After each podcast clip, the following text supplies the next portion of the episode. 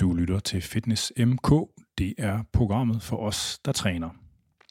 I dag der har Fitness MK fået lov til at tale med Victor Axelsen, der bor i Dubai, som der som bekendt er dansker og verdens PT absolut bedste badmintonspiller.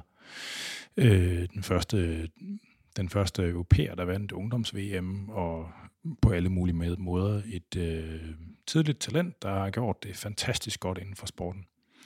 Øh, så vi har fået lov til at ringe ham op via Sendcaster og, øh, i Dubai og lavet en optagelse med ham der. Så det er simpelthen det, der skal ske i Fitness MK i dag. Jeg er svært Anders Nedergaard, a.k.a. Dr. Muskel.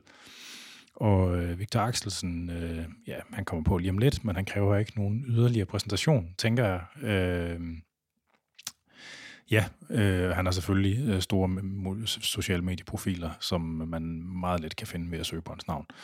Øh, hvis folk har kommentarer eller spørgsmål eller forslag til programmet, så kan man sende dem ind på afn eller på programmets Facebook-side eller Instagram, og de hedder begge to bare Fitness MK. Øh, så uden yderligere forsinkelse, her kommer dagens afsnit, interviewet med Victor Axelsen. Jeg har, øh, jamen som sagt, så har jeg fået lov til at låne Victor Axelsen en times tid her. Øh, og allerførst, øh, mange tak for det. Det er også mig, der takker. Øh, og du sidder på en café i Dubai. Jeg sidder på en café i Dubai lige nu, ja. Som vi lige snakker om kort inden vi begyndte at optage, så har jeg øh, hjemmet øh, godt fyldt af, af børn, så det er ikke lige øh, det bedste sted at, at, at optage en podcast. Så jeg er lige, jeg er lige flygtet herned på, på en café. Ja, altså man, du går, man, man kan sagtens høre dig, så der er slet ikke, der er ikke noget der. Det er jeg glad for at høre. Hvad hedder det? Øh, jamen, jeg har jo, øh, nu, vi har en team, så øh, mm. det, det, er, det er det, vi, ja, vi har fået.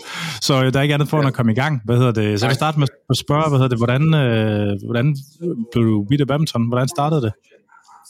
Jamen det startede egentlig med, at jeg boede, øh, jeg kommer fra Odense af. Øhm, jeg spillede meget fodbold, da jeg var, da jeg var mindre, øh, men allerede da jeg var 5-6 år gammel eller sådan noget, der hævde min, øh, min far... Ja, ja, præcis. Der ja. hævde min far mig med til, til, han havde en bane om fredagen nede i Odense Badminton Klub. Um, så han hævde mig med dernede, når han spillede om fredagen. Um, altså sådan noget Old Boys, Old Boys ja, badminton? Bare, jeg ved nok bare sådan for sjov. Du ved, havde med et par ja. kammerater og sådan noget, havde en bane, så ikke noget, ikke noget seriøst. Øh, men så introducerede han mig til sporten, og ja, jeg rigtig hurtigt begyndte jeg at ramme den, ramme den godt, og allerede da, da jeg gik i børnehave og så videre, var jeg rigtig, rigtig glad for at slå med bolde til et bat og spille rundbold og så videre, og havde, havde et godt boldøje, vil, vil man nok sige. Um, og så blev jeg bare sindssygt grebet af badminton. Altså, ville spille derhjemme øh, op, øh, op på loftet, ville jeg stå og spille op ad væggen, og ja, jeg blev bare enormt grebet af, af badminton fra en rigtig, rigtig tidlig alder. Um, og så ret hurtigt, der begyndte det at tage mere og mere tid, og så allerede da jeg var 9-10 år gammel, der røg fodbold lidt ud på, øh, på sidelinjen, og badminton begyndte bare at fylde mere og mere. Ja. Øh, hvor gammel var du, før du kom ud den gamle? Åh, oh, det ved jeg nu ikke. Uh, han vil nok mene, jeg var lidt ældre, uh, men, uh, men omkring en, en, en 11 år eller sådan noget, jeg mener. Okay, og det er også det er okay. Jamen, uden at, uden at, uh,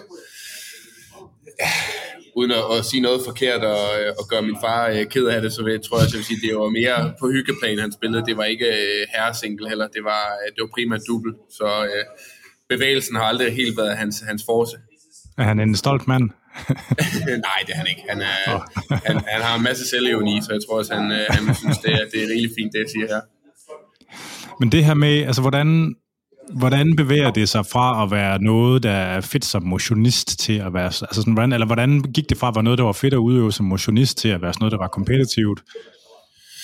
Jamen, det gik egentlig rimelig naturligt for mig. Altså, vi, i, i Danmark har vi et rigtig godt klubsystem, og vi har, sådan, hvad kan man sige, vi har en god trappe op til, hvordan det ligesom skal, skal foregå i klubberne, og der er en masse gode trænere rundt omkring i, øh, i, i de forskellige klubber også. Um, og for mig, der kom det rigtig naturligt til mig. Altså, jeg har altid været en virkelig dårlig taber, um, og, når jeg spillede, når jeg spillede, ja, og når jeg spillede fodbold, selvfølgelig, det var tit alle de andres fejl, når vi tabte. Det var aldrig min egen fejl, selvfølgelig. Øhm, og der kan man sige, der var badminton en, en, et rigtig godt sted for mig, ligesom at, at stå med mine egne problemer selv, og vinde selv, og tabe selv. Og det tror jeg bare fra en tidligere eller uden jeg kunne sætte ord på det dengang, så blev jeg enormt bitter det. Øhm, og jeg begyndte så at spille, øh, først spillede jeg kun én gang om ugen, og alt det ved siden af for sjov, og så lige ret hurtigt, så kom jeg på, på den træning, der var øh, de lidt ældre børn. Jeg begyndte at spille to-tre gange om ugen, og så fire gange om ugen. Og jeg hvor, brugte, hvor gammel er vi der? Altså, hvad, hvad, hvad er vi oppe jeg, i der? Jeg er, kun, jeg er kun otte år gammel eller sådan noget. Okay. Øhm, nok, at da jeg begyndte at spille sådan tre gange om ugen, tre-fire gange om ugen, var jeg nok syv år gammel, men det var decideret træning. Altså, så var jeg i hallen hver gang jeg kunne. Jeg gik selv derned, stod og spillede op ad væggen, spillede med de kammerater, jeg nu havde fået. Øhm, hvis der var nogle motionister om eftermiddagen, der manglede en at spille med, så hoppede jeg ind, og jeg var ham knægten, der bare var i OBK hele tiden. Um, så jeg var, uh, jeg var enorm. Det var, det, var mit, det var mit andet hjem, Odense Badmintonklub. Ja, altså var, var det sporten, eller var det, altså, eller var det fællesskabet, eller hvad var det, der trak mest i det? Det var en blanding, men jeg vil sige, for mig har, har, har det selvfølgelig været alle de mennesker omkring de miljøer, jeg har, jeg har været i øh, omkring badminton, men det har været sporten altid, der, der har drevet mig. Um, ja, havde det været en tennisbane, jeg havde boet tæt på, og, og ligesom var kommet ind der, kunne jeg måske have været blevet bidt af det, og blevet okay dygtig til det, det ved jeg ikke, men, men badminton, det fangede mig bare, og øh, ja, har ikke rigtig kigget mig tilbage siden. Nej. Så det her ligesom med, at der var en grad af talent, det var noget, der viste sig allerede inden for de allerførste år? Altså. Ja. ja, man kan sige, at jeg har været ret privilegeret af, at der, folk har altid troet på mig. Altså siden jeg var 7-8 år gammel, der var jeg ham, den lille, der bare ramte bolden sindssygt godt, eller bevægede mig sindssygt godt, eller det, det blev lyn, jeg blev lynhurtigt ham, den talentfulde. Det kan både være godt og skidt. Det kan både være godt og skidt. Uh, hvis du ikke har hovedet til det, så er det, uh, så er det ikke, så er det ikke altid helt så godt. Øhm, men man kan sige for mig, altså både i og med, at jeg er født i januar, så med den måde, det fungerer hjemme i Danmark i, i vores sportsgren, der er det tit der, at du får lov til at spille med dem, der er lidt ældre, og du kommer måske op, og hvis du gør det rigtig godt i din række, kommer du op og spiller med de endnu, endnu ældre, og det var sådan lidt mit tilfælde, at jeg havde enormt mange gode muligheder for også at spille med dem, der var ældre og bedre end mig selv, samtidig med, at jeg også havde et stort talent, så jeg tror, det var bare øh, the perfect storm øh, for mig, og, og jeg har så også været enormt privilegeret at have en fantastisk familie, der aldrig har pacet mig, eller aldrig har sagt, at jeg skulle dit og dat. Øh, og på den anden side har det også været nemt for dem, i og med, at det har altid været mig selv, der ville. Um, ja. Og det var svært at hive mig væk. Uh, de har aldrig nogensinde skulle bruge energi på, på at presse mig til noget som helst. Nej, nej. Hvornår vandt du dit første DM? Uh jeg tror allerede, jeg har svært ved at huske, jeg tror, jeg har vundet DM i de fleste rækker fra U9, øh, U11 og så videre, så det var allerede, da jeg var, nok i U11 vinder jeg mit første officielle DM. Øh, det, det var først der, det sådan startede med DM. Øhm, ja, og så begyndte jeg jo allerede i U13 og U15 at begynde at spille med rækken over mig. Og så nogle år har jeg været nede og spille min egen række og, og vinde DM der, men jeg spillede altid med dem, der faktisk var to år ældre end mig, fordi jeg blev rykket op fra U11 op til U13, og når jeg var første år U13, spillede jeg U15, og sådan fortsatte det bare hele vejen op.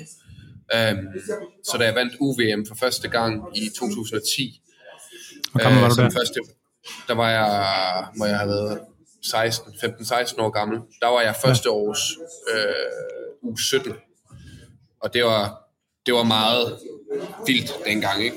Um, ja, ja. Både, fordi jeg var for, både fordi jeg var første års U17, men, men også fordi jeg var den første europæer nogensinde.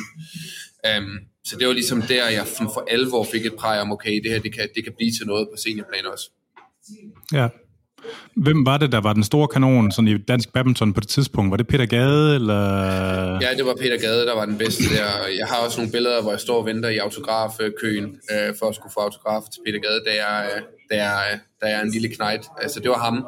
Så kom Janne Jørgensen op, øh, og jeg Kenneth Jonasen var stoppet på det tidspunkt. Øh, så det var, det var Peter Gade og, og Janne der ligesom okay. var, var begyndt, øh, eller Peter Gade har været der længe, men, men Jan begyndte så at komme op på det tidspunkt.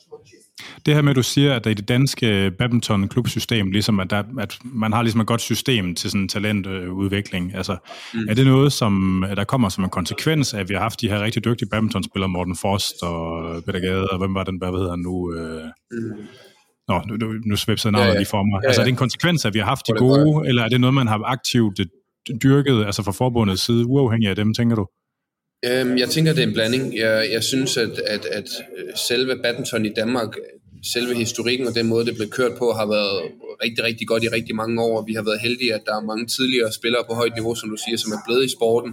Øhm, og vi har også rigtig mange, som nødvendigvis ikke har været de bedste, men har gjort sig en karriere inden for at være træner og har en masse ildsjæl rundt omkring i klubberne og rigtig dygtige trænere, som ikke selv har spillet på aller, aller højeste niveau. Men vi har rigtig mange trænere rundt omkring klubberne, som gør et fantastisk godt stykke arbejde. Um, og det er, det er med til at gøre, at, at, at unge danske badmintonspillere har øh, en god mulighed for, for at blive dygtige. Man kan sige, det har ændret sig rigtig meget fra da jeg var mindre. Uh, det er gået lidt for meget væk fra at være også meget sjov at lege, synes jeg, frem for, at, at, at der er også mange forældre, der begynder at vil tage over alt for tidligt, og det begynder at blive sindssygt seriøst, og privattræner. og jeg, jeg rejser altid rundt med at sige, at jeg tror, de privattræner, jeg havde fra da jeg var øh, fra da jeg var 8 år gammel til jeg var 15, det kan tælles på en eller to hænder. Altså, jeg, øh, det var virkelig vigtigt for mig at, at, have lejen med i det, og der er jeg bange for, at vi taber mange unge, unge mennesker på nuværende tidspunkt, fordi det bliver så seriøst så hurtigt. Uh, men det er jo bare min egen, uh, min egen tanke omkring det hele. Ja, ja. Øh, du, du fortalte lige om det der, altså, med, du er den første europæer, der vandt junior-VM. Altså, øh, hvorfor er det, altså, at asiaterne, de fylder så meget der? Jeg tror, at, at, at for det første er de mange flere, end vi er derhjemme i Danmark. Det, var, um, men det, det er jo hele vejen op, kan man sige. Der ja, også. ja, præcis. Ja, ja, ja, og så har de også øh, øh, historik for at have sindssygt mange gode spillere og et godt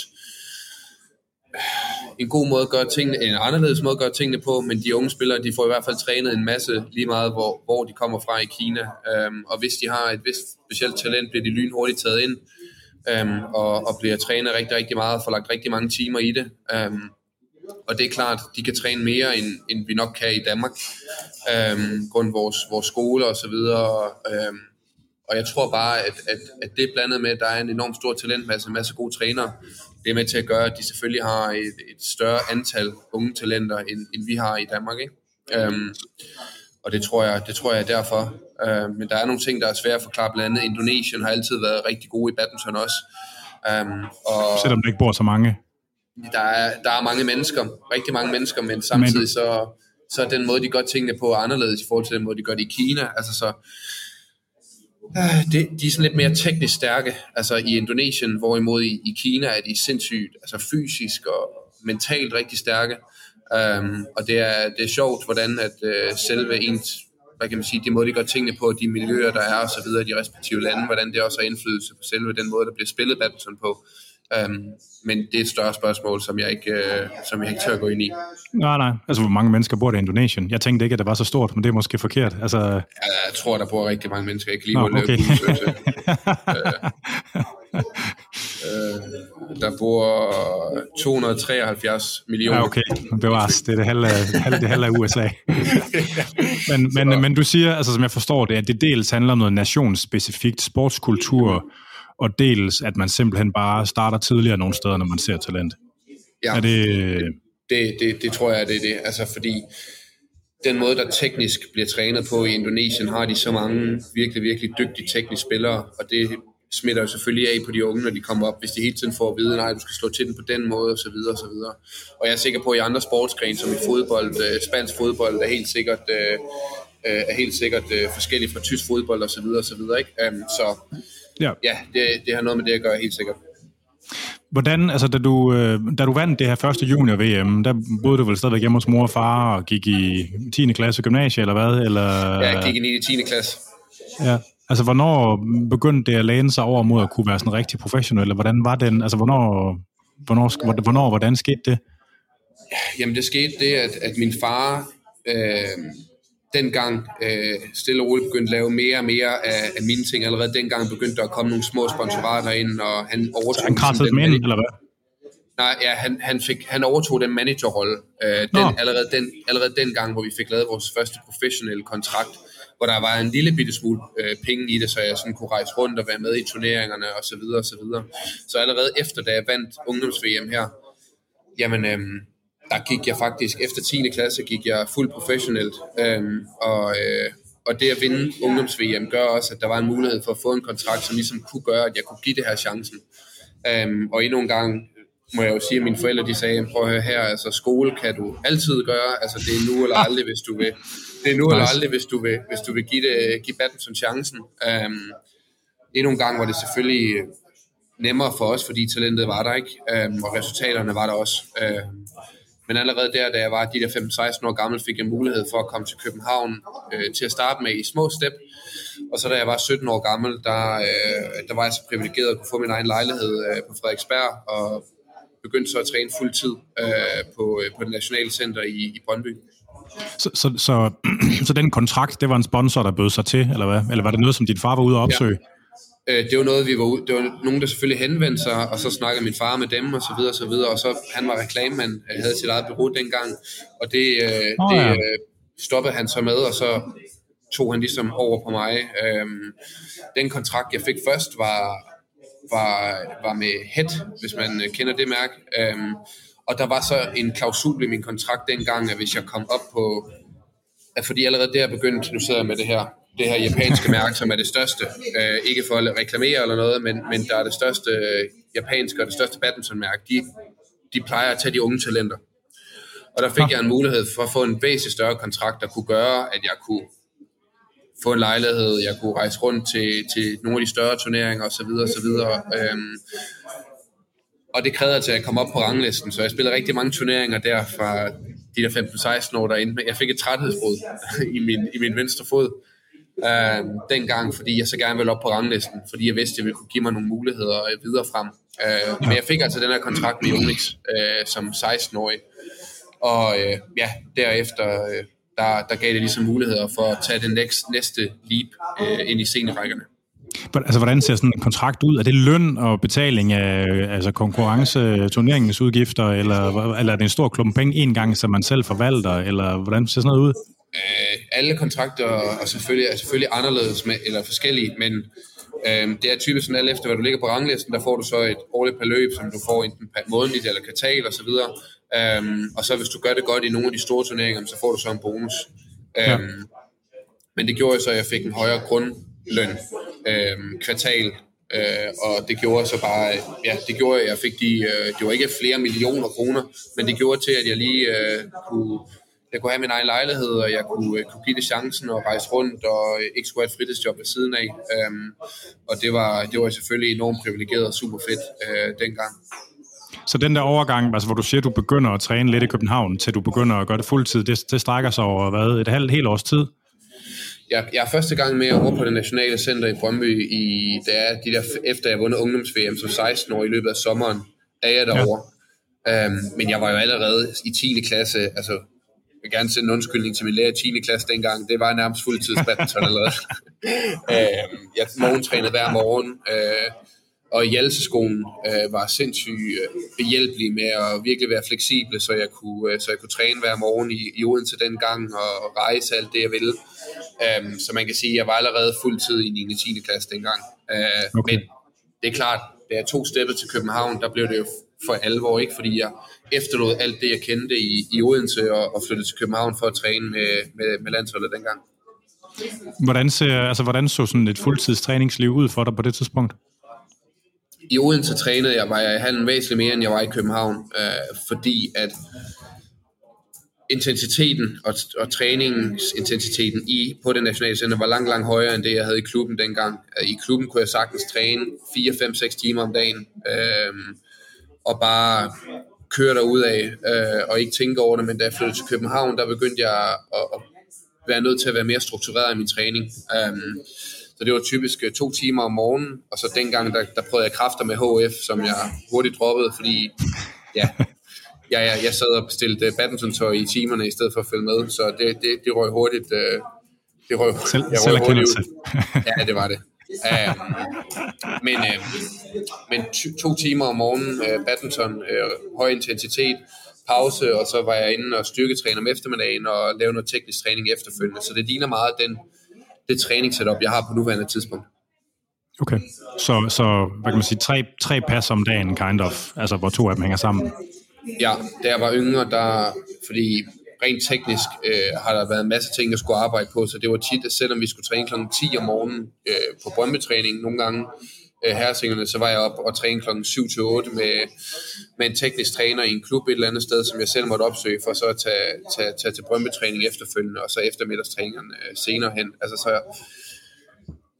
et af de ting, som jeg er rigtig glad for, jeg har besiddet, hvis man kan sige det sådan, er lysten og, og evnen til at træne rigtig meget og være meget rationel omkring mit eget niveau øh, og de ting, jeg har været god til, og de ting, jeg ikke er særlig god til.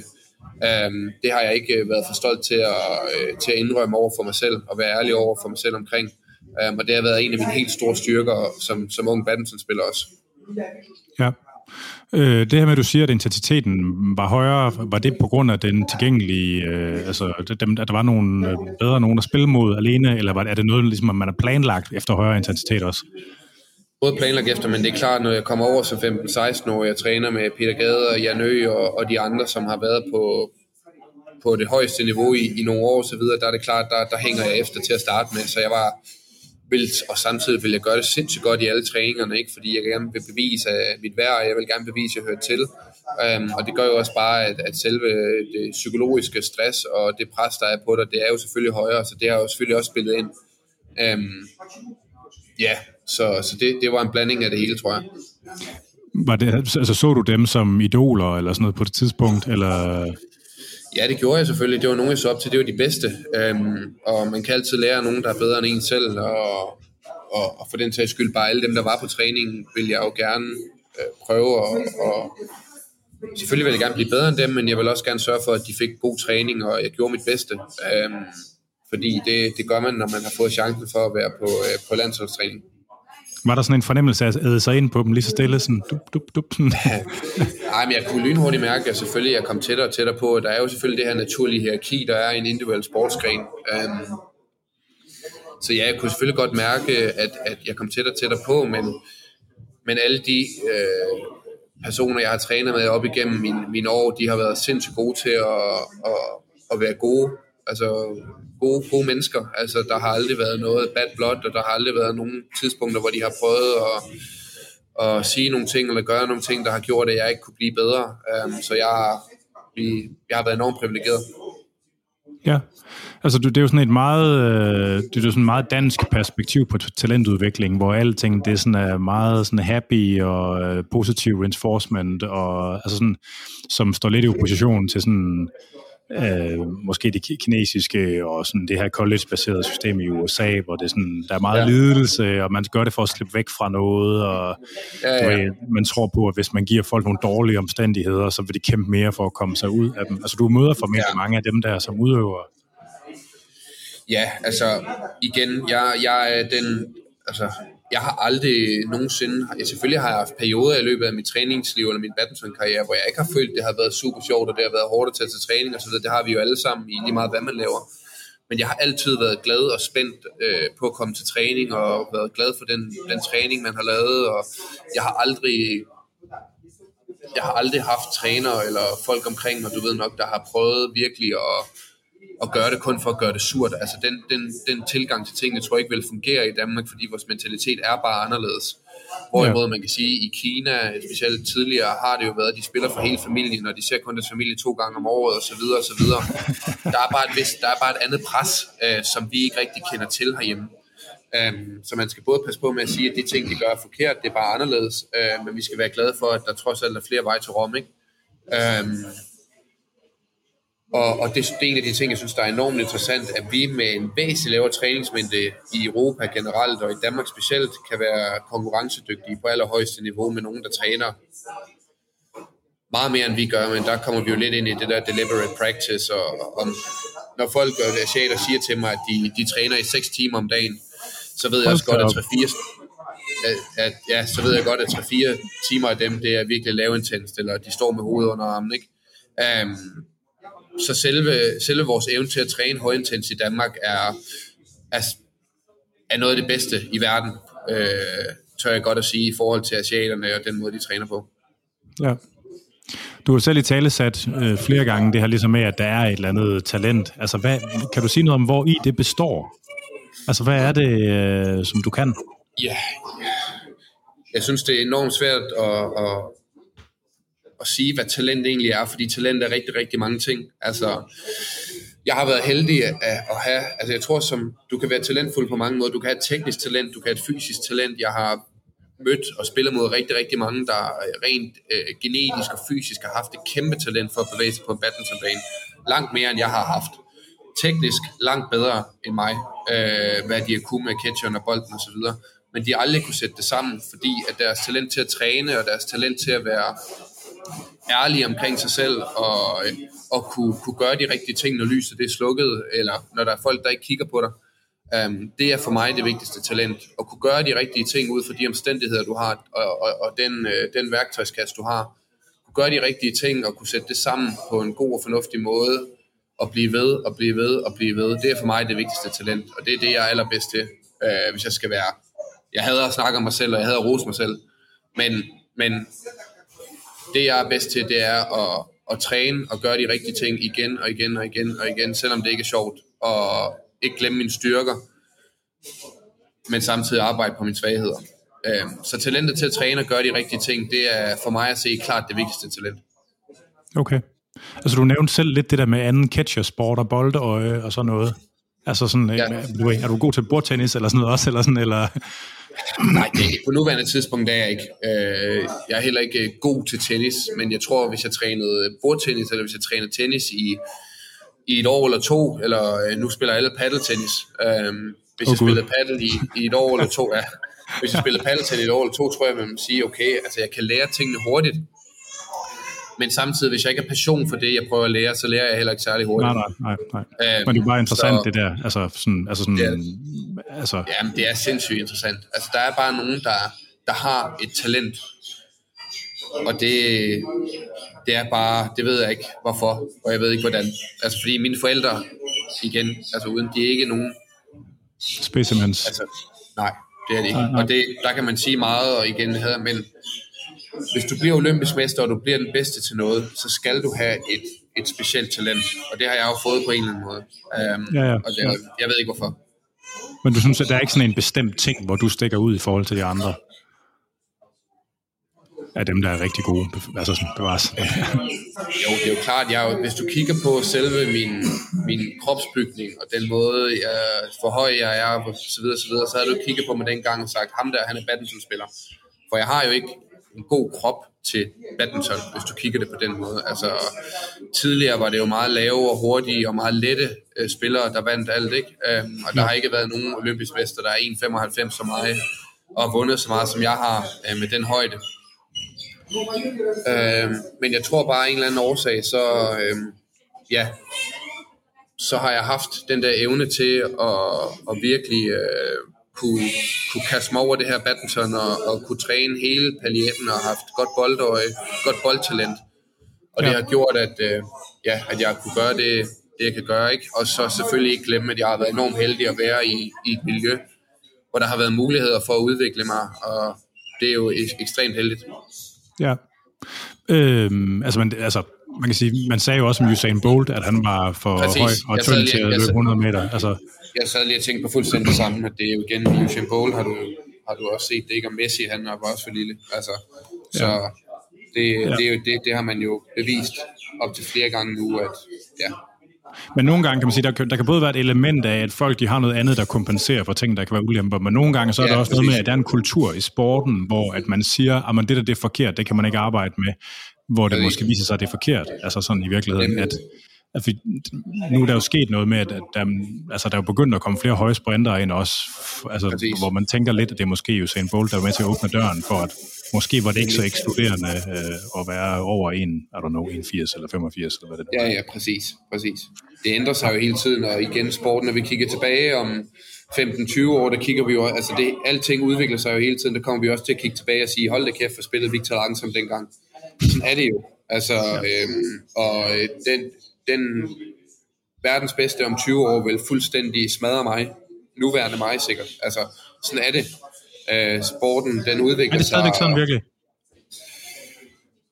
Altså, jeg er sgu ikke for fint til at sige, at jeg er rimelig sikker på, at dem, der spiller om 15-20 år, de vil nok smadre mig. Ligesom, okay. ligesom hvis jeg spiller mod Paul Høj eller Morten Frost nu, så vil jeg også lide dem. Altså, og det, dem, der siger anderledes, det, øh, det, det kan jeg ikke tage seriøst. Nej, fordi det, altså, øh, i, altså, i øh, MMA for eksempel, det er jo sådan en Ja. ret ny sport, hvor der, hvor der rent faktisk foregår sådan en form for teknologi-arms race i, hvordan man håndterer forskellige situationer. Ikke? Så der, ja. Kan, jeg- der kan jeg let forstå, at, at, at atleter over tid bliver bedre, fordi man bliver trænet mm. i at håndtere nogle situationer, man ikke har tænkt over, hvordan skulle håndteres før. Ja. Men der, altså, min, mit, altså set- ude fra badminton, altså jeg ikke en kæft, altså, Nej, nej. altså øh, så virker den mere stabil, fordi badminton har trods alt været badminton i ret lang tid. Altså sådan, Jeg, altså, tror lige, vi skal, jeg tror lige, vi skal sætte os sammen og så se nogle kampe fra, øh, fra Nå, med sådan 80'erne. reglerne og øh, altså, sådan, jo, altså, jo, jo. altså sådan, Ja, men udstyret har udviklet sig rigtig meget også. Øhm, okay. catcher, bolde er blevet bedre, øh, skoene er blevet bedre, øh, Okay. strengene er blevet bedre. Der, der er også sket en kæmpe, kæmpe udvikling, og vi, man er blevet bedre til at træne, og selve spillet er blevet meget anderledes og så videre. Altså, Ja. og jeg skal lige pointere, havde øh, Peter Gade og Morten Frost og Paul Erik Høj og videre, havde vi været født på samme tidspunkt. Hvem Ja. der så havde været bedst, det er jo fuldstændig umuligt at sige. Men ud fra de øh, muligheder og så videre, vi havde på daværende tidspunkt, det, det er jo kun det, man... Derfor skal man ja, aldrig... ja. Derfor skal man aldrig, synes jeg, sætte sig op mod hinanden på den måde, fordi man kan ikke bruge det til noget alligevel. Men jeg er helt sikker på, at om 15-20 år vil vi kigge tilbage og så se på den måde, jeg spiller på, og så sige, eller niveauet på nuværende tidspunkt, og så sige, Ja, ja.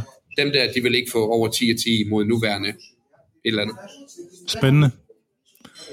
Ja, nå, det havde jeg Men ikke. det er jo kun øh, min holdning. Ja, ja, men, holdning. jamen, jeg tænker, Ja. at du har formentlig et relativt kvalificeret perspektiv. Ja. Øhm, Øh. så øhm, ja. Ja. Øh, det, det, jeg har slet ikke tænkt over det der med udstyret og strenge og sådan noget. Altså, Nej, der er sket rigtig meget. Rigtig meget. Det er der.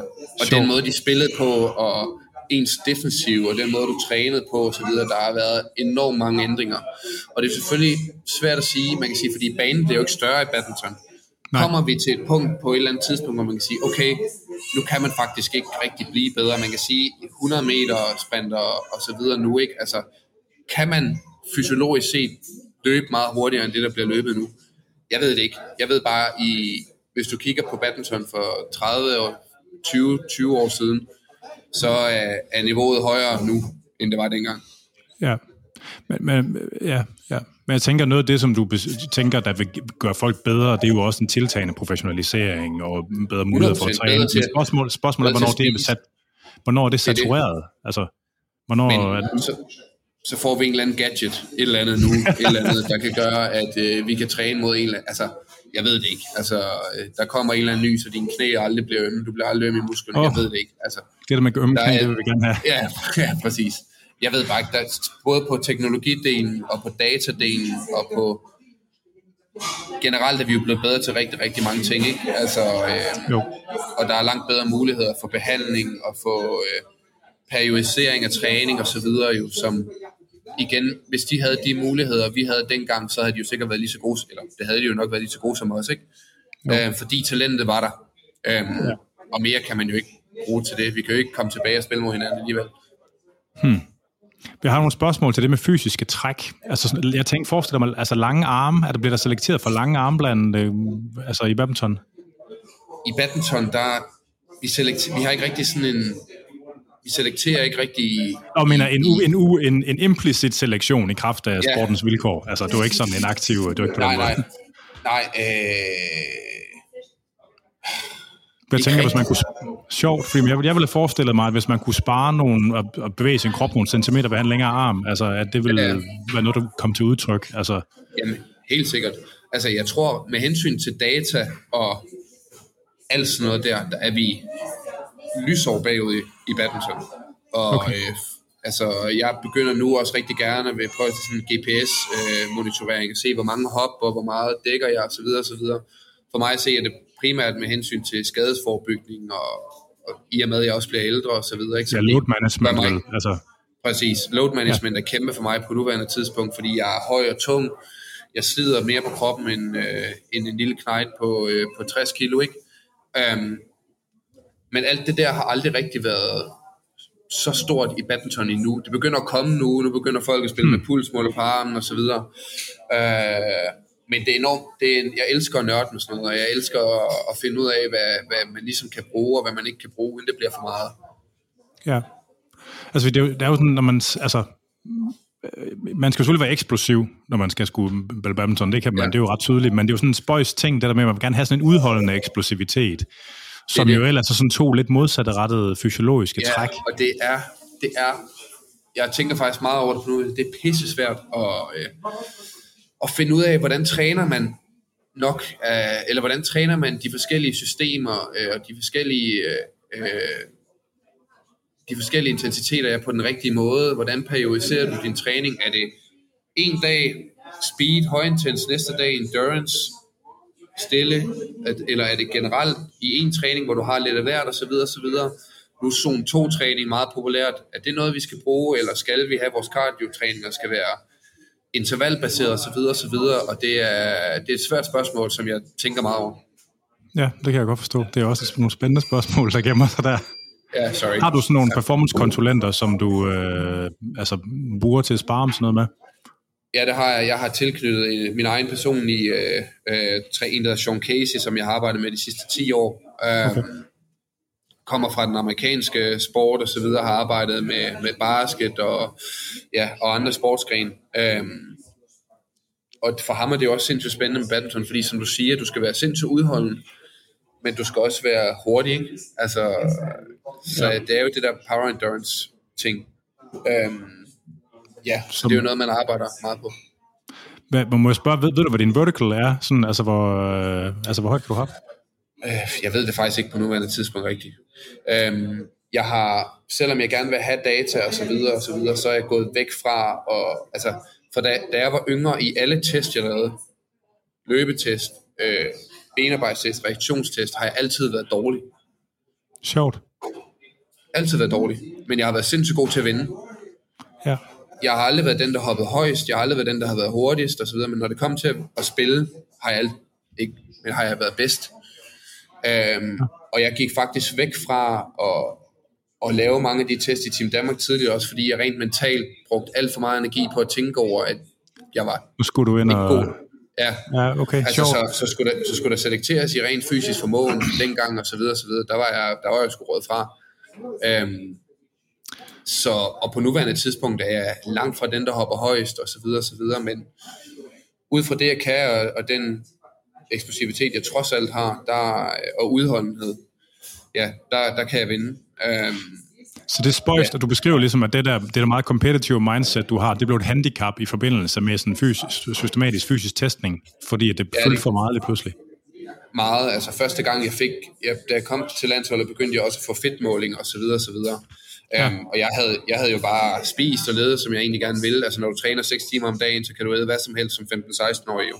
Um, da, da, jeg så kom til, ja, da jeg så kom til Team Danmark, og begyndte at få de her målinger og så videre, der tænkte jeg, okay, nu er jeg her på landsholdet, nu skal det bare være seriøst. Og der fik jeg min første måling, og jeg var omkring de der 10 procent eller sådan noget dengang, eller sådan noget. Og så derefter så tænkte jeg, shit, jeg er blevet høj nu, nu skal jeg bare være tynd. Altså, og når jeg først satte mig noget for, fordi jeg var jo højere end de andre, så jeg, i mit hoved skulle jeg være lettere end de andre, ikke?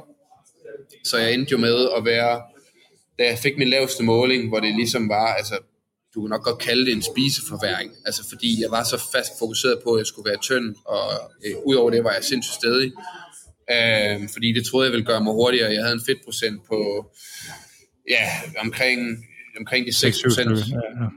Ja, øh, jeg tror min laveste måling er omkring 6 procent dengang, øh, og jeg vejede øh, 12-15 kilo mindre, end jeg gør nu. Ja. Øh, ja. Det, det var ja, ikke så, så godt for var, præstation, var det? Nej, det var ikke så godt. øh, øh, så, men men det, det, det, det fandt jeg hurtigt ud af. Øh, og jeg har allerede på nu, også nu, nu jeg, jeg tager min heart rate variability og tager noget data og så og. Men sådan noget med at, at, at hele tiden at, at, at måle og veje og og så videre, det, det fungerer ikke til, fordi jeg bliver alt for, jeg er alt for perfektionistisk. Så jeg bliver nødt til at, at holde mig lidt væk fra det, fordi jeg ikke kan styre det. Vil det funke, hvis du lavede testen, men ikke fik svarene at vide, at det var en anden en, der håndterede svarene? Ja, det ville det nok, men jeg vil skulle bruge noget tid på at, at acceptere, at, øh, at jeg ikke vidste det, fordi jeg vil blive så nysgerrig. ja, okay, det, øh, det, det kan også krasse for meget op i hjernen. altså, på nuværende tidspunkt kan jeg sagtens, jeg har en super fin balance i alt nu, men, men jeg, kender, jeg kender mig selv rigtig, rigtig godt, og jeg kender den del af mig, den der jeg bliver besat af at gøre det godt. Øh, ja. ja. Nu beskrev du selv lidt, altså du snakkede en lille smule om periodisering, og hvordan man styrer sådan forskellige parametre i træning. Er det inden for badminton, eller er det i støttetræning? Det er begge, altså i badminton tit er det, vi gør det, altså der, det bliver gjort, at du sådan bygger op til, til selvfølgelig store events, og så laver du dine taber, og så ligesom man nogle gange prøver. Vores udfordring er, at der er så mange turneringer, øhm, og for mig har det været en, en kæmpe stor længde, det der med at sige, okay, øh, den turnering, der er under niveau af de aller, allerbedste, nogle gange bliver jeg nødt til at træne igennem den, så jeg skal stadig lave min ekstra cardio osv., selvom at der er turneringer, så skal jeg være okay med resultatet af den turnering, måske ikke er som jeg ønsker mig osv. osv. Um, så det har været en stor læring for mig, og det tror jeg er en af de første, der sådan for alvor øh, gjorde godt, at jeg har været villig til at, øh, at gå på kompromis med nogle, øh, min fysiske formåen i nogle turneringer, frem for at kunne bygge op til det allerstørste. Øhm, og, det, og det krasser i din competitive hjerne at skulle ja, gøre det. gør det. Det er, ikke så, det er ikke så fedt at stå derinde og føle, at man lige er 5-10% langsommere, fordi man har været på cyklen dagen før, efter kampen og så videre, vel? Nej.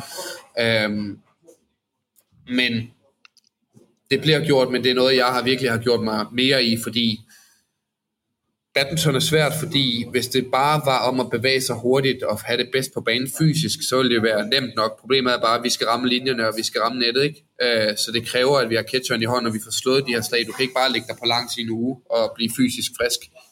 Du bliver nødt til at, at stadig være på banen, så det er en hård, fin balance, og svært i badminton at virkelig periodisere. Men, så, så altså, hvad bruger I primært? Altså mængden eller intensiteten? Og hvordan styrer man intensiteten i en badminton sparring? Altså sådan, hvordan... Så kører du, for eksempel hvis du kører multibold, hvor du har en masse bolde her, du står og spiller over, så kører du 10-12 bolde, i stedet for at du kører 20-30 bolde for eksempel. Intensiteten bliver højere, og tiden bliver kortere. Altså hvis du har en modstander, kortere. der står og giver, der fodrer dig med bolde hele tiden, ja. eller hvad? Ja, præcis. Det, det, det kunne være en ting, og så når du kører, vi kører, jeg kører meget, eller vi kører meget 2 1 træning, så vil det være, at du kører i øh, 1 minut eller 30-40 sekunder rigtig højintens, og så i stedet for, at du kører 3-4 minutter, ikke? Ja, okay. Øhm, så man, du er simpelthen to mod en for... Altså, det er også en, en af de ting, hvis, tænker, hvis man virkelig er en af de aller, allerbedste i verden, så kan det godt være svært at finde nogen, der kan gøre det hårdt nok for en. Så hvordan gør man det hårdt nok? Og det er jo så... Jamen, det, ja, to mod en, tre mod en, og så videre, og så videre. Alt det der kører vi rigtig meget af, på alle niveauer faktisk. Er det så, altså har du sådan ligesom nogle øh, betalte sparringspartnere, der står til rådighed for det, eller er, det, er der en klub dernede, øh, der ligesom kan levere det, eller hvordan fungerer det? På, på nuværende tidspunkt, der har jeg jo mit eget setup øh, her i Dubai, øh, så jeg sørger selv for sparringsspillere, og, ja, og har, øh, har spillere har der selvfølgelig også, øh, der kommer andre spillere, øh, der er med på turen, der, øh, der også er interesseret i at træne med mig selvfølgelig, og så videre, så videre, så jeg finder ud af det og får lavet min egen camps her, og, og og har det rigtig fedt med på det her tidspunkt i min karriere, at jeg, jeg selv ligesom kan for alvor sætte mit, mit eget præg på træning og selv bestemme, hvad jeg skal, alt efter hvad min HRV er på dagen, hvordan, hvordan er min stivhed osv. så. Der er det svært nogle gange, når du er en del af et større landshold at sige, prøv her i dag, der vil jeg faktisk kun lige lave det her, det her, det her, for det hele skal jo gå op. Ja. Jeg har mit eget team og så videre, der er ud fra min fysiske tilstand og, og dagsform, der kan jeg tilrettelægge det, som jeg vil. Det lyder som, du bruger det her HRV, den her HRV-biomarkør en del. Ja, det bruger jeg en del, fordi det er ligesom, at hvad jeg kan forstå, at det den, og også efter, alt efter hvad mit liv er, så ved nu har vi har to, øh, to børn, min, øh, min kone og jeg, og der, der er også en del god stress, altså man kan sige, det, der er mange ting i løbet af sådan en dag. Øhm, og søvn nogle gange er, er, også, øh, er også udfordret, ikke? hvis der er nogle ting, eller man er oppe et par gange og så videre, og der er jeg blevet bedre til at, ligesom at, at tage foden lidt af speederen, øh, hvis nu, at jeg i flere dage streg har, har haft sindssygt høj HRV, eller mega lav HRV, ikke? så ja. Og du, så det, du har også en oplevelse af, at, øh, at det matcher din egen oplevelse af energiniveau? Det har jeg. Altså nogle gange, man skal bruge det med måde, ikke? fordi jeg har også været i konkurrence nogle gange, hvor, hvor jeg enten måske har fordi jeg har været spændt og så videre, så, øh, så viser den, at min HRV er helt skidt og så videre, ikke? Altså, hvor nogle gange, der skal, der skal man lade være med at bruge det alt for meget, men hvis jeg over en træningsperiode kontinuerligt et par dage har, har haft øh, store udfald, så, så ved jeg, at der i hvert fald er et eller andet, der, der kræver, at jeg måske lige får lidt ro, ikke? Øhm, og det er den markør, jeg, jeg bruger mest øh, samtidig med, den måde, jeg har det i kroppen. Altså, jeg, kan, jeg kender jo min krop så godt nu, at jeg kan godt mærke, når jeg kan trykke på speederen, og når jeg egentlig skal, skal træde lidt tilbage. Okay. Så, så din, din, hvor stor en del af din badminton-træning har karakter af at være sådan noget situationssparring, hvor det er sat op med flere modstandere, eller bliver serveret mange bolde, eller hvad det nu er, og hvor meget af det er sådan helt almindelig badminton, eller man skal sige, mod en modstander? Det er rigtig meget to mod en, øh, og okay. to mod en kamp, og feeding og så videre, så er det måske 20% 15-20% en mod en spil.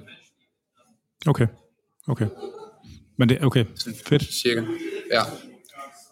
Hvad ligger din puls på, når det er sådan højintenst? Er det sådan noget 170-80 stykker, eller?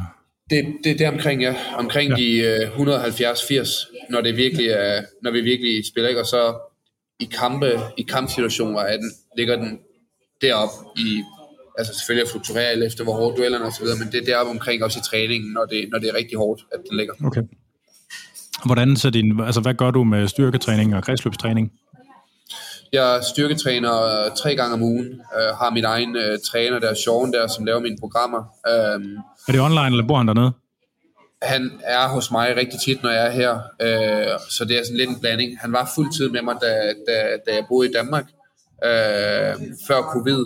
Og så siden da har vi kørt det sådan lidt mere, hvor han er i nogle perioder, i de længere perioder, fordi vi rejser så meget på nuværende tidspunkt, og jeg er blevet jeg er blevet bedre til at køre det selv også. Så det er sådan lidt en blanding. Øhm, men jeg laver rigtig meget, øh, jeg laver rigtig mange former for dødeløft og stabilitetstræning og etbens øh, ting og stabilitet og meget af det. Altså så vores mål med styrketræning på nuværende tidspunkt er ikke nødvendigvis kun at gøre mig stærkere og mere eksplosiv, men det er også bare at sørge for, at jeg er klar til at kunne lave dagens næste badminton-træning og sørge for, at jeg er sund og rask. Ikke? Øhm, og i hvert fald ikke bliver skadet. Ja, ja. ja. Og, og hvordan, hvad gør I med kredsløbstræning?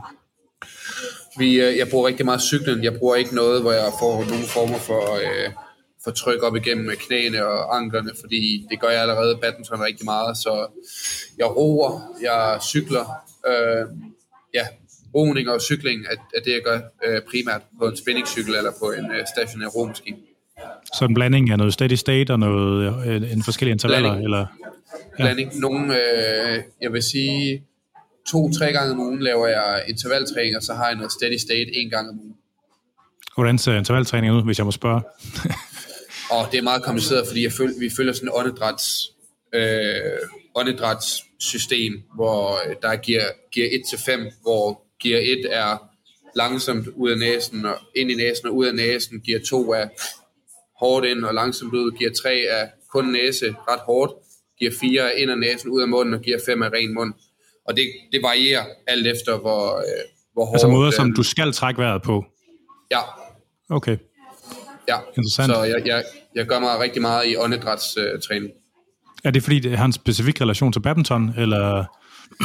øh, ja, fordi i badminton, der er det, altså som det selvfølgelig er i mange andre sportsgrene, men vi skal kunne vi skal kunne komme ned i puls, vi skal kunne kontrollere vores, øh, vores vejrtrækning på rigtig, rigtig kort tid imellem duellerne, og i de pauser, vi nogle gange har, hvis du, hvis du har styr over din, din vejrtrækning, og du kan sørge for at komme ned i gear, øh, og, og, få, og få slappet nervesystemet af så godt, som du nogle gange kan, så tror jeg, det er, det er en stor fordel, så jeg bruger, jeg bruger ret meget energi på det. Okay. Jamen, det giver selvfølgelig mening. Altså, ja. Det virker ja. for mig i hvert fald. Alle forskellige. Så, så altså, bruger I det som værktøj til at styre på intensiteten i, i kredsløbstræning? Ja, så alt det, det, det, det, jeg kan presse, altså så har jeg gear 1 push, eller ja. gear 2 push, og det vil sige, det er det max, jeg kan klare, hvor jeg følger den vejrtrækningsprotokol, der er. Ikke? Ja, okay. Og det, det varierer fra, fra dag til dag. Okay. Og, og sådan, hvad, hvad med sådan arbejdspause-ratioer?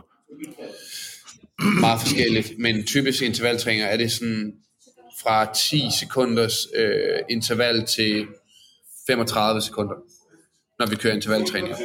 Okay, så du har ikke sådan noget mid-range interval, sådan noget 3-4-5 minutter? Øh, nej, overhovedet ikke i cykling eller, okay. eller roning overhovedet. Okay, og hvor lange pauser er det? Det, det, det har jeg så meget i min badminton-træning, det der.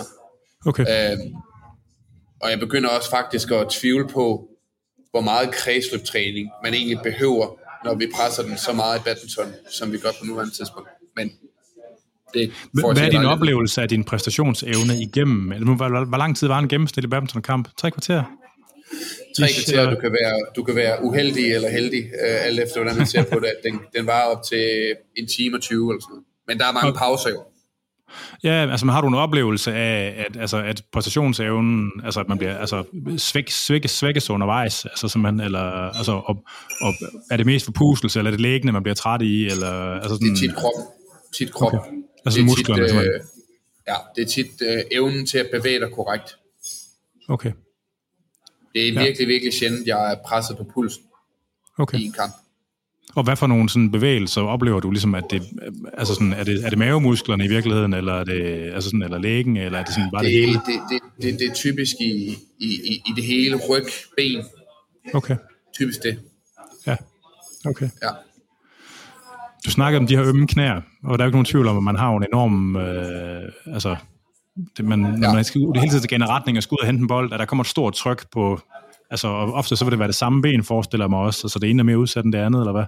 Ja, det er typisk dit udfaldsben, den arm, du spiller med, der er mest udsat. Ja, altså du, og du, du har allerede ligesom hentet lidt efter det, der ligesom er at dosere træningen i forhold til, hvad en, altså sådan, knæene synes. Altså, ja. Er det sådan en ting generelt for elite badminton udøvere, eller er det specifikt for dig, fordi du er tungere end gennemsnittet? Eller? Ja, altså man kan sige, at jeg vil jo gerne spille så mange år, som jeg nogle gange kan, ikke? Øh, og det er klart, at badminton slider bare sindssygt meget på knæ, hofter og ankler. Jeg har opereret begge mine ankler, altså mindre indgreb, men, men er trods alt øh, blevet opereret i begge ankler. Øh, 7-9-13 øh, har jeg ikke haft nogen problemer med min knæ rigtigt. Øh, og det vil jeg gerne blive ved med ikke at have. Øh, så, øh, øh, så, øh, så jeg prøver, jeg prøver at være så klog, som jeg nogle gange kan, når det kommer til dosering og træning. Ja. Øh, Ja, altså, fordi der er bare rigtig mange badmintonspillere, der har problemer med, med knæ, hofter, ankler.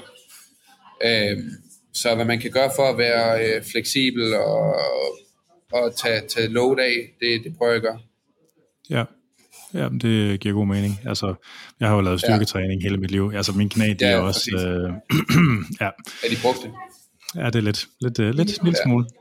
Okay, øhm, ja øh, det her med det værtrækningssystem, du bruger, er det udbredt inden for badminton? Altså det giver jo god mening, når du beskriver det her med, at man kan, skal udnytte de her 10 ja. sekunders, eller 20 ja. sekunder, eller hvad det nu er, pauser, der, eller ikke pauser, men lavere ja. intensitet der er. Er der mange, det der tror gør jeg ikke Særlig... Nej, det tror jeg ikke. Nej. Og du har oplevet, at det gør en forskel, at du er bedre til at komme ned i de der huller, der er? Jeg synes, jeg, øh, jeg synes, jeg er bedre til at slappe af. Jeg synes, jeg er bedre til i løbet af dagene også at inden kampe, og når jeg skal sove osv., der synes jeg, at selve åndedrætsdelen af det er, er med til at være, kunne gøre mig, ja, kunne, kunne komme lidt i, ikke i send, men kunne få mig til at slappe lidt af. Ja, men, altså, det giver jo god mening. Altså, øh, ja. Er, er der sådan andre, altså uden for træning, er der andre sådan præstationsoptimeringsværktøjer, du bruger? Hvordan spiser du? Bruger du nogle kosttilskud? Øh, Øh, Infrarød ja, sauna, hvad fanden ved jeg? Altså. Ja, altså isbad og så videre bruger jeg i, i ny og næ. Øh, jeg spiser sundt, øh, sørger for at få øh, i hvert fald mellem 6 og 8 serveringer frugt og grønt i løbet af en dag. Øh, spiser primært størstedelen af mine kulhydrater omkring den aller høj, mest høj intense træning før og efter der. Øh, gode fedtsyre om aftenen, hvis jeg ikke har været så aktiv med god proteinkilde, så for at få fisk, tager fiskeolie, magnesium inden sengetid, øh, bruger kollagen inden træning, multivitamin, øh, kreatin. Ja. Øh, hvad tager jeg ellers? ja, det, du ved nok, det, det er normale. Altså, det er ja, alle for, en, for en seriøs, øh, for en seriøs ja, udøver. Ja, ja, det er alle, alle gør. Ja, og det kan godt være, når man bor i Dubai, der tænker jeg, at der er adgang til alt muligt mærkeligt øh, gear. Jeg tror altså. ikke, jeg, jeg, jeg, jeg, jeg, tør, jeg, jeg tør i hvert fald ikke eksperimentere med noget som helst overhovedet. Øh, så, øh, men det er faktisk bare det. Altså, det er ikke noget, ikke noget hokus pokus. Jeg er ikke nogen former for øh, special øh, spisemåde og så videre, andet end velovervejende sundt, og sørge for at få nok energi. Ja, Ja, du tæller ikke øh, kalorier eller øhm, I nyerne af gør jeg, men jeg har, jeg, jeg har tæ, øh, kalorier så mange gange i mit liv, at jeg kan forholdsvis vide, hvor meget jeg sådan cirka skal, men jeg skal spise. Jeg skal spise meget, øh, så på en, en hård træningsperiode, som jeg gør her, ligger jeg nok på et ligevægtsindtag på omkring 4.500 kalorier eller sådan noget. Ja, ja. Nok tættere, nogle gange tættere, hvis jeg træner rigtig hårdt, tættere på de 5.000 kalorier om dagen. Ja, hvor meget var du? Par 80? 85? Øh, nej, nej, nej, jeg vejer mere end det. Jeg vejer øh, omkring de 90 kilo. Okay, ja. Måske lidt over på nuværende tidspunkt. 1,92 kilo eller sådan noget. Okay, okay. Øh, I forhold til sådan noget, øh, laver du sådan noget hånd-øje-koordination, sådan noget neurooptometrisk øh, træning? Altså, det har jeg hørt Nej. lidt om inden for badminton, men øh, jeg ved ikke, om det var en ting for dig. Øh, nej, altså jeg har det sådan, hvis du skal tage en ny ting ind, så skal du også tage et eller andet ud på nuværende tidspunkt for mig. Og okay. der er ikke noget, jeg føler, jeg vil tage ud, der vil, altså, det går, jeg skal ikke udelukke, jeg prøver det på noget tidspunkt, men en ting, jeg gør det, det er, i den hal, jeg, jeg træner i her øh, i Dubai, der er en af siderne, hvor der er hvid væg, hvor det er rigtig svært at se bolden før seng. Oh, ja. Ja. Så man kan sige, jeg gør det faktisk allerede. Ja, ja. Altså, det er, jo, det er jo sådan en hel uh, ting for sig selv, det der, altså øh, med ja, sådan noget øjentræning. Jeg ved, håndbold, der er en del ja, håndboldspillere, der har brugt dem. Jeg ved ikke, hvor relevant det er for dem i virkeligheden, men det er en anden snak. Ja, ja, ja jeg, bruger, jeg bruger det ikke. Hvor gammel er du er nu? Jeg er 30. Ja. Hvor lang tid øh, holder du? Jeg tænker at spille til jeg er par 40. Ja. Nej, det er bare en joke. Jamen, altså, kan det lade sig gøre? Altså, det ved jeg ikke. Eller sådan, Nej, eller... Det, det, det, det, tror jeg ikke. Det tror jeg ikke. Jeg, jeg, øh... jeg håber, jeg kan spille... Altså, det kunne da være fedt nok at slutte i LA måske i, i, i 2028, ikke?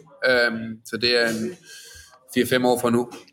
Uh, men jeg skal heller ikke udelukke, at jeg om tre år tænker, det var det. Altså, det, det, det, det kommer an på, om jeg stadig har sulten til at vil blive bedre, og, og lysten til at blive bedre, og lysten til at, at, at give den gas hver dag. Fordi hvis jeg mister den, så, øh, så har jeg heller ikke noget problem med at sige, at det var det, for jeg har masser af andre ting, jeg også rigtig gerne vil opleve. Ja, ja. Er der, altså, hvordan, ser, har du tænkt over, hvordan livet efter badminton ser ud? Ja, altså selvfølgelig. Altså jeg vil sige, da jeg fyldte 30, der, altså jeg har aldrig tænkt over, at jeg skulle stoppe. Altså, øh, men, det er klar, men, men, men det er klart, at på et eller andet tidspunkt, altså nu tænker man over for eksempel, når jeg, lad os sige, at jeg stopper om tre år, lad os sige, at, at, at nu skal jeg spille over England her om nogle uger, ikke? Øh, jeg troede, du var i Danmark, jeg troede, det var morgen med dig. Ja, men jeg, jeg tror, det bliver siddet til stille, at der er en eller anden lyssensor, ja, okay. der, ja, der var... det er fordi interviewet er så kedeligt. De slukker ja. lyset. Ja, det er, fordi, de er lidt konservative, de der bevægelsessensorer, tror jeg.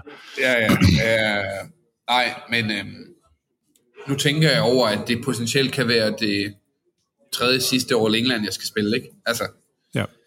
den, den tanke har strejfet mig selvfølgelig, men hvordan livet kommer til at se ud efter, det ved jeg ikke, men ja, jeg tror stadig, jeg bliver i sporten på en eller anden måde, men jeg kunne også godt tænke mig at lave nogle former for forretning selv, eller prøve at starte mit eget, eller hvad ved jeg, altså, ja, det, det, ja. det, jeg ved det ikke rigtig helt. Det virker som om, at du har været meget bevidst om dit, altså dit brand, mere end jeg synes, man ser de fleste andre sådan individuelle sportsfolk fra Danmark er. Hvordan er det? Er det fordi, at din far er reklamemand, eller er det dig selv, der har ja. foranledet i det, ja. eller hvor kommer det fra? Ja, det er en blanding. Altså, jeg er vokset op med at få at vide, at, at man får det ud af livet, man selv putter i det, og når det kommer til branding, så så koster det tid og penge at kunne tjene flere penge, hvis man kigger på det finansielt, og øh, det, koster, det koster noget af dig selv, hvis du gerne vil have, at dit brand skal vokse, og om man ved det eller ej, så er det bare en stor del af atletens verden på nuværende tidspunkt, det er at være, være en god formidler, og, og være, være tro mod dig selv, og man kan sige, at jeg er rigtig glad og stolt over den måde, vi har brandet mig, fordi det er bare mig. Altså, jeg har ikke, jeg tager ikke en anden kasket på, når jeg er på Instagram, eller når jeg bliver interviewet, eller noget. Jeg er bare mig selv, og, og, og har været enormt øh, privilegeret over at kunne formidle det her til en rigtig stor fanskar efterhånden. Øhm, og det er noget, jeg helt sikkert vil, selvfølgelig vil bruge til noget, når jeg engang er færdig, øh, fordi jeg føler, at jeg er enormt tæt på mine fans. Øh, Og, øh, og det er både kado til min far, som fra en tidlig, tidlig alder, allerede da jeg ikke havde alle meritterne, øh, så ligesom har sagt, prøv at høre, nu laver vi noget, et eller andet små merchandise, vi laver et event, og vi gør dit og dat, og så videre, og så videre. Um, så jeg har prøvet med måde at, at, at, at bruge energi og tid på at, at skabe et brand, uh, samtidig med, at jeg har fuld fokus på sporten. Og det er, det er jeg enormt glad og stolt over, og synes også, det er super sjovt. Altså, så uh, ja, det er fedt. Altså det her med at lære mandarin, har det også været en del af det her? Altså sådan at, være åben over for alle de ting, der sker i Østen, sådan, altså som branding derovre mod? Ja, det har været med henblik på, at sponsorerne selvfølgelig umiddelbart vil synes, at det kunne være fedt, at jeg kunne tale mandarin, og det vil separere mig fra de resterende 99,9 procent, fordi der er ingen hvide badmintonspillere, der gør det godt på badmintonfronten, der kan snakke mandarin også. Øhm, det stiller mig i en unik position, både på nuværende tidspunkt og også efter karrieren. Øhm, og det var jeg det er jeg sgu stolt over, jeg så tidligt. Altså, jeg havde også nogle, en træner, der sagde til mig dengang, hey, hvorfor, hvorfor starter du ikke på mandarin, da jeg allerede selv havde haft tankerne. Det var ligesom var med til at skubbe mig, skubbe mig i, i den retning. Uh, så ja, det har både været med henblik på at lære af den kultur, uh, men samtidig også at være, uh, ja, kunne være, kunne være en, en, god, en god mand at have i stand for, for, sponsor, for, for, for sponsorerne. Ja, fedt. Jeg tror ikke, jeg har flere spørgsmål. Fedt, Anders. Øh, du lovede mig en time. tak for snakken. Også. Ja, selvfølgelig. Mange tak. Det var spændende. Ja, ja, og øh, ja, stor respekt til dig også, og fortsæt det gode arbejde. Jeg synes, det er, det er fedt at følge med. Tak. Jamen, øh, jeg, jeg prøver så. Næ, næ, næste gang må vi snakke lidt. Jeg har en masse spørgsmål til dig, men dem må vi tage næste gang. Jamen, du, ja, du må også gerne skrive. Det er ikke sådan. Det, øh... det gør jeg. Ja, ja. godt nok. Ha' det godt. Ha' en god dag dernede. I lige måde. I lige måde. Hej.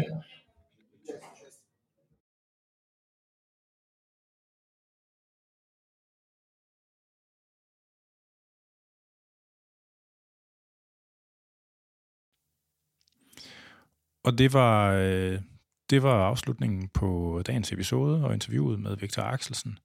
Øh, det lyder som, som der måske kunne komme en opfølgning i gang. Det må tiden vise. Øh, men du har i hvert fald lyttet til Fitness MK, og jeg er Anders Nedergaard. Du kan lytte til den her og de andre episoder af Fitness MK på stream og podcast. Du kan streame dem inden for min egen hjemmeside, andersnedergaard.dk, eller vores host Simplecast, og den kan selvfølgelig podcastes fra alle de vanlige podcast-tjenester. Programmet er produceret af Jonas Pedersen, og I skal være velkommen til at skrive ind på afn